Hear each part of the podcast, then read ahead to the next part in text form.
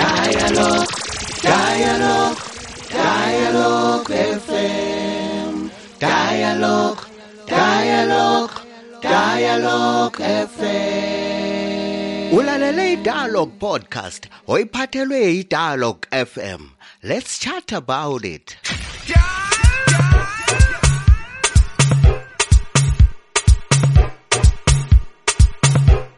Yebo kambe yebo kambe yebo kambe yebo kambe sekunjalo sekunjalo ke kuhlangana ke ku podcast yakho ke podcast ephakulelwa yithi kanye abangani bakho ngaso sonke isikhathi ke Dialogue FM abangani bakho bangebe kuthi wedwa ngaso sonke isikhathi ke lapha umsakazo ophuma front ophuma phambili. Abanye bonke belandele emuva uphuma front njengekhala leJohn leRodija abanye bonke belandele emuva njengomsila wendlovu yewange khona ngale mina ke lami ibizo kade mbani? Ngukhulekano kobethule ugodobora umgonondo omkhulu ongabhekwa ngamehlo yohe inyasaranda la kobulawayo ke khona bana ke. Nguphathela ke i-podcast yakho yanamhlanje lapha ke sijonge ke khona ukukhange khangela ke lokho lalokhuyana sikhangele sizathinta kancane kwezopolitiko.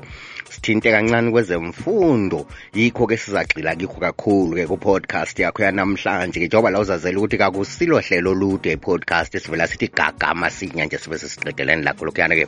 Xa ufuna ukuhlangana lathi ke ufuna ukusilandela ebulenjini kodwa pha kulula ke i-handle yethu ku-x ngu-at dialogue fm xa ufuna ukuhlangana lathi ku-facebook ikhasi lakhona lalo libizwa ngegama elifana nalo dialogue fm xa ufuna ukuhlangana lathi ke ku-instagram ke khona pha lakhona ke sisebenzisa ke igama elifana nayo dialog f fm nxa ufuna ukuxoxa lathi ke usebenzisa ke whatsapp ke laphana ke inombolo ngu-0773284598 uyathumela umqhafazo khonaphana ebhokisini usitshela ukuthi kwenzakalani khonapho lapho ngabe khona. Ngingamothi isikhathi ke kathi namhlanje ke esivele siqala ngakho yikwini. Izikolo zivuliwe kuyona le viki edluleyo ke laphana ke nde yizililo zodwa phandle lapha abazali bayakhala izikolo fees zikhwele zenza imhlola kunzima ezi-school fees zikhwele kakhulu. Zikhwele kakhulu and abazali kunzima lokuthi bahlanganise imali yangikhona beyihlanganise njani. Khathesi siyabona izimali zitextiwe ziyenziweni yazi kunzima uyaswela lokuthi uqalele nga ungumzali. And okunye okuzayenzeka ukuthi abanye abantwana bazagcina bengasafundi ngenxa yokuhluleka ukubhadala i-school fees. Masithi siyananzelela kuthe ma kuvulwa nje izikolo manje ama-fees wonke nje ashuta ayaphezulu njengenye indlela eyisimanga.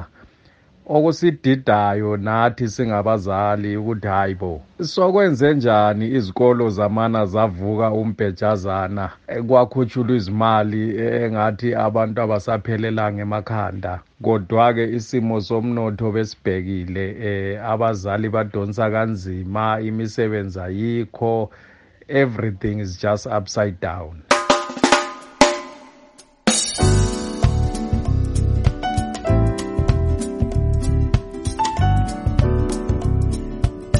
Kubuhlungu lokho okhuluma ngakho kwe-school fees. Uyabona i-school fees zikhwelile izikolo eziningi.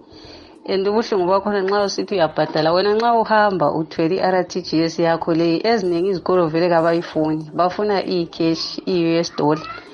Ekuyikuthi i-u s dollar lelo kalikho ebantwini. Wena uyabe ude i-r t g s yakho uthwele ikhadi lakho. Nxa sokumele uyebhadala sokumele uyedinga osiphatheleni laphana uyetshintsha imali vele kucina kungahlangani. Izinto ezifuneka esikolo ziningi. Uzabe ufuna amabhuku ufuna amayunifomu kufuneka i-school fees. So eh kuzima abantwana abaningi vele kuhlala phansi khathi esibayahlala ngoba imali vele kayikho. And iqiniso elikhona ngabe kuthiwa kuyavuma ngabe uhulumende uyabona iplani ukuthi kumbe ifisi ziyehliswe kumbe ngoba eqinisweni khathi esivele sokuzima akusakwaniseki ngoba imali eyiyo etholwa ngabantu ayisebenzi wena uzathola imali. Sokumele uyethenga imali yokuthi usebenzise uyebhadala i-school fees uthengele abantwana amabhuku uthenge so hayi isimo sakhona njengabazali vele sithwele nzima. Mbona ngani okuseleyo nje ukuthi hhayi kuzasehlula. Abantwana sizahlala labo ezindlini sibagcine bangafundi.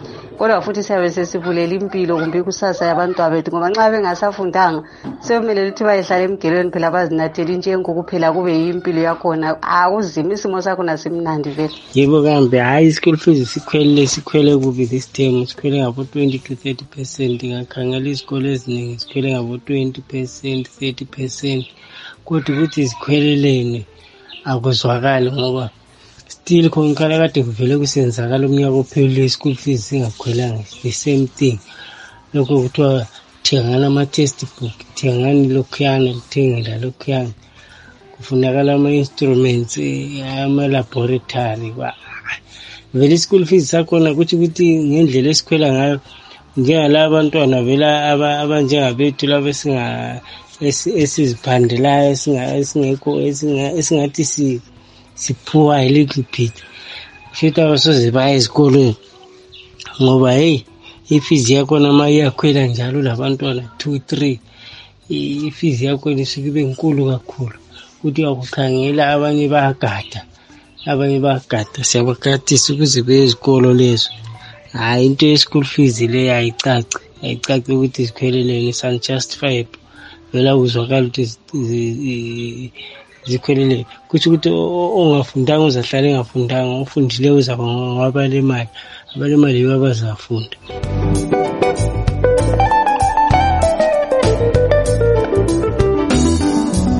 kanti manje pho ikusasa labantwana-ke ikusasa lemfundo ikakhulu yabantu labana abangelamali eningi ngoba lapha ngendlela okwenzakala ngayo kukhanya ngathi-ke imfundo isizaba ngeyalabana-ke abalezandla ezenelisayo abantwana labana balabazali abangenelisiyo ngoba kanti yabona ungathi uyacabanga uyathola ukuthi-ke abanye abazali bathola wona lawo-ke ma-r t g s kodwa-ke izikolo zifuna ikheshi ama-usa so sekumele-ke laphana umzali ehambe ejingirisa ama-r t g s wona lawana-ke edobha ama-usa ukuthi ebhadale isikolo. Ngapha lamabhuku afunakala adura akufunakala ama-exercise book kodwa kufunakala ama-exercise book lama-textbook kufunakala abo-bond paper kufunakala ama-cellotape kufunakala amakhava baza kwenelisa yini abazali khonokho? Bese uyazibuza-ke ukuthi leyo board eyezikolo mayihlala phansi leyo board ipasa ukuthi makukhutshule ama-fees ngaleyo ndlela? Kusuka kungabazali yini aba pasa abathatha lezo zinqumo kumbe nje leyo body ingabantu nje eh, othola ukuthi mhlawumbe abanabazali they don't even know what we are talking about masikhuluma ngama-school fees. Eh angithi kudala besisazi ukuthi ama-private schools yiwo are-expensive in terms of ama-fees yikho ubuthola ukuthi nakhona kuma-private schools angithi ubuya nge-choice ngokuzikhethela ngoba isamba sakho sivuma usenelisa. Then labo akade bephila imiddle class nalabo akade bekulow class bebezingenela kuma-government schools. Ngoba ama-government schools ama-fees wakhona abe ngathi ayabambeka angcono kubazali. Manje ma usuthola ama-government schools esecharge i-school fees angathi i-private school. Kusho ukuthi ngamanye amagama kubulawa ilizwe kahle kahle. Ngoba eh, eh, half or three quarters yabantwana they won't be able to go to school. Abazali abaningi angeke bayenelise lama fees afakiwe. Kusho ukuthi ngamanye amagama kubulawa nje isizwe sikamthwakazi siyabulawa nje ngamabomo. Thina njengabazali ebesifisa nokuthi mhlawumbe ezinye inhlaka zikahulumende ziphakame ziyibhekisise kabanzi le ndaba zifakele amehlo ngoba kuzofa ilizwe. Ilizwe lizofa nje kube ilizwe labantu abangafundanga kugcwala ikliwi negebengu. Xa ugavumenti engancedisa khonapho nje ukuthi ngabe ziyayehla phela kumbe layangenele ayenze something. Kunzima ezikolo lapho namatitsha vele ayekele ukuxotsha abantwana. Bayaxotsha abantwana abantwana bezihlalele emakhaya. Kusasa uzayesaba lokubuyela esikolo ngoba uzafika usuxoshwa futhi esikolo. Zinzima ngabe kuyabuya lezi inhlanganiso zincedise ukuthi abantwana befunde.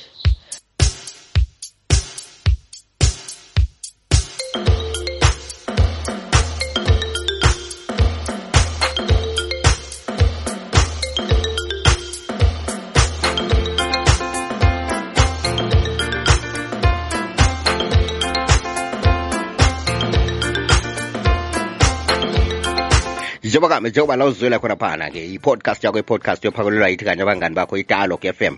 Kulula kakhulu nxa ufuna uhlangana lathi ebulenjini ku-x endle yakhona ngu-at dialog f m. Nxa ufuna uhlangana lathi kufacebook ikhasi lakhona libizwa igama elifananayo dialog f m.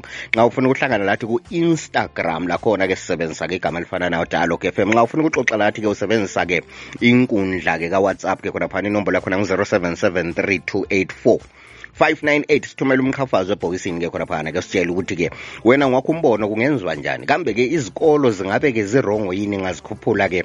Izikolo fees kumbe labo bazama ukudlala pha babotshelwe khona. Phela kulezi nsuku elizweni lezimbabwe islogan esikhona nje yonke indawo kuthiwa-ke idla lapha ebotshelwe khona. Uyathola amatitsha labantu abonti utitsha kudala laphana kwakusazakala ukuthi-ke esititsheni yiwo umsebenzi-ke laphana okungadizisekiyo okungela madilidili so okunye yikho amatitsha asakubonayo wathi lathi asibuye endawo ethu amadili la. Sithengisa abantwana ama-bond paper ama-bond paper lawana siyathatha siyawathengisa futhi. Yikho sebekwenza laba bantu. Sasazi njalo phosa ke lakho ilizwi khona phana siqhubela phambili-ke nge-podcast yakho-ke udaba lulandelayo salukhangela ludaba laphana-ke lwemthwakazi republic party. Uzakhumbula phela laphana ukuthi imthwakazi laphana i-mrp ngamafitshane ibizwa njalo ibizwa kuthiwa-ke yi-mrp libandla laphana-ke esilazi-ke lithunganyelwa-ke ngubaba-ke umqondisi monyo-ke laphana-ke so singathi siyakhangela-ke um kuthe kuphela umnyaka wona lo 2023 kuqala wona lo 2024 ye ubaba umqondisi-ke laphana-ke lethimba lakhe-ke. Bayenze-ke inkomfa yabo-ke enkulu khonapha ke edolobheni lakobulawayo-ke. Lapha-ke abahlangane khona baxoxa ngokuthi bafisa ukwenzani njengebandla bafisa ukuya ngaphi ngo-2024 njengebandla bafuna ukuzama ukuqinisa ngaphi lapho kuxega khona. Kukhanya-ke kukhona-ke abathile-ke laphana bakuthimba likababumoya kade bekhona-ke. Kuningi yabo abakuxoxileyo-ke khonaphana-ke kunkomfa yabo. Kodwa-ke laphana-ke ngesimanga-ke kukhanya sekukhona-ke eyinye njalo-ke i-MRP angazi kumbe ngathi ngeyinye i-MRP kumbe ngathi ngeyinye faction kumbe uhamba njani. Akuqedakali laphana ukuthi angazi ukuthi ngingabiza ngithini kodwa engingakutsho ukuthi mina ngikhulumeke lo baba laphana-ke. Umbonisi gumbo yena umbonisi gumbo ke laphana ke uthe ungu-interim secretary general for information and publicity owebandla elifananayo ele-mrp ake simuze ukuthi yena utheni? Eh ibandla lemthokazi republic party larikhola ubukhokhelo be-national executive committee ngo-october eh kwase kusiba khona i-interim committee eyakhethwa ngabantu ukuthi ikhokhele size siyefika ku-congress. Eh yiyo i-interim committee ekade ihlele umkhombandlela rally eStanley Hall. Eh i-interim committee leyi ikhangelele ukusebenza ize kuyofika umhla ka27 April lapho ibandla liza kuba khona eh le congress bese likhetha ubukhokheli obutsha. Eh le i-national executive eyayikhokhelwa ngubaba umoyo eseyakhitshwa esikhundleni eh ngamalunga ebandla yiyo engasuthisekiyo ngemisebenzi eyenziwa yi-national interim committee. Yiyo ke ehamba itshelela abantu eceleni zama ukuphazamisa inhlelo ze-national interim committee. Kodwa ke eh siyabonga abalandeli bebandla abemthwakazi republic party ngokwazi iqiniso. Eh lona ibandla lemthwakazi republic party eh alisplithanga njalo alikhangelelwanga ukuthi lisplithwe anytime soon. Eh siyaqhubeka sisebenza ngokubambana njalo eh ngokuthembana. Eh isintu ukuthi kusina kutetelwana ngesinye isikhathi lami ngiyabe ngibambile ngesikhathi esizayo bese kubamba omunye. Akusiyo into embi ikakhulu mase uphambanise suphambanisile njengamanje eh ubukhokhelo obukhokhelwa ngubaba umoyo sobuzamile ukungena ekhethweni twice 2018 la ngo-2023 kwangaphuma ama-results eh abantu basebecabanga ukuthi mhlambe ithi high time ukuthi sidinge obunye ubukhokheli sithole eh okungcono kulalokho bese silakho. Siyabonga kulobu bukhokheli bukamqondisi moyo esesabususayo esikhundleni. Sibonga yonke imizamo sebeke bayenza kodwa ke kwakathesi sesifuna ukuthi eh, ibandla liye phambili li-restructure li-rebrand eh, singaziwa ngenhlamba kuphela singaziwa ngoku ukuthethisa kuphela kodwa siyaziwe eh, njengebandla eli- elile elikwaziyo ukuthi lakhe ikusasa enhle eyomthwakazi Dialogue, dialogue, dialogue FM. Dialogue, dialogue, dialogue FM. Ulalele iDialogue podcast oyiphathelwe yiDialogue FM. Let's chat about it. Alo, umadlela lo, nilalile inyazaranda la kobulawayo.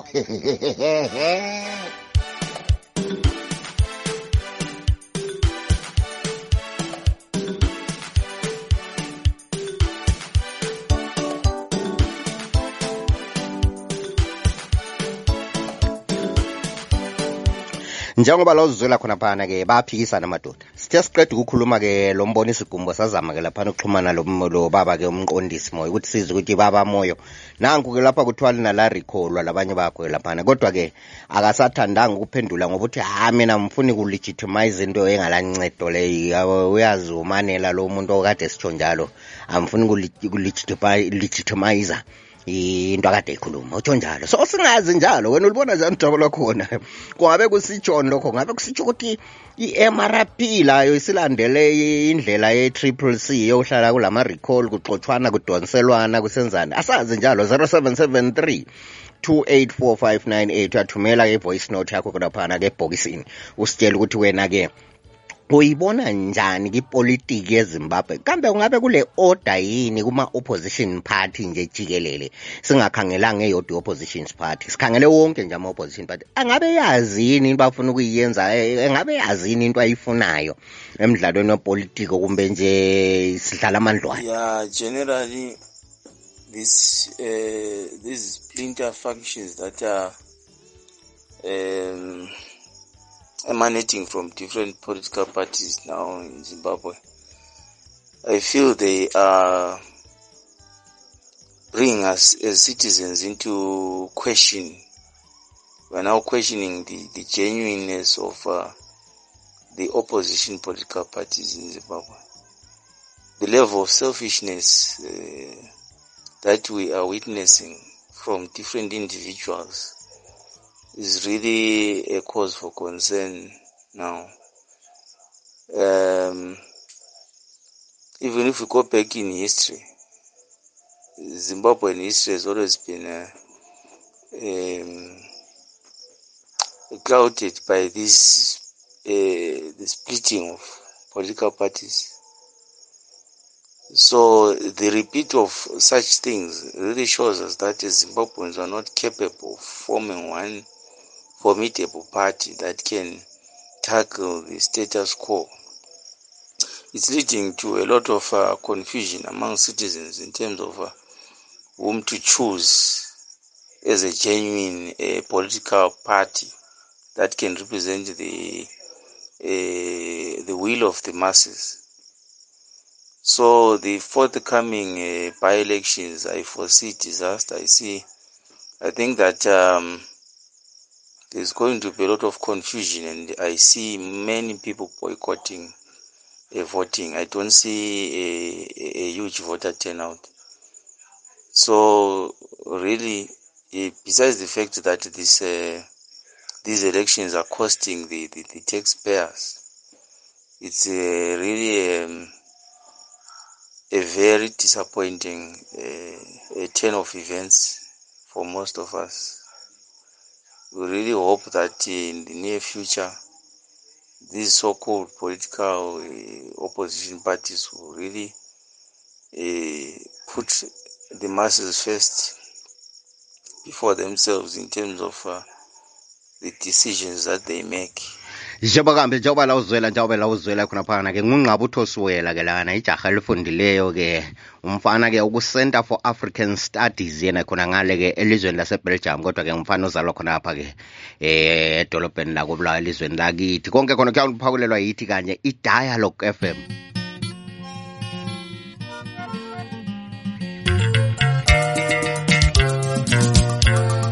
inqunqusa ke ngumema ke laphana ngithi asibe sihlangane ke upodcast elandelayo nxa ufuna ukusilandela ebulenjini kuyi-x iyendlu yethu ngu-at dialog fm xa ufuna ukusilandela kufacebook ikhasi lethu libizwa ngegama elifana nayo dialog fm xa ufuna ukusilandela-ke ku-instagram lakhona-ke sisebenzisa igama elifananayo dialog fm xa ufuna ukuxoxa lathi khonapha-ke kuwhatsapp kulula lakho linombolo yona leyo lokhe ngiyiphindaphinda. Kanti soze ndinwe futhi kuyiphindaphinda.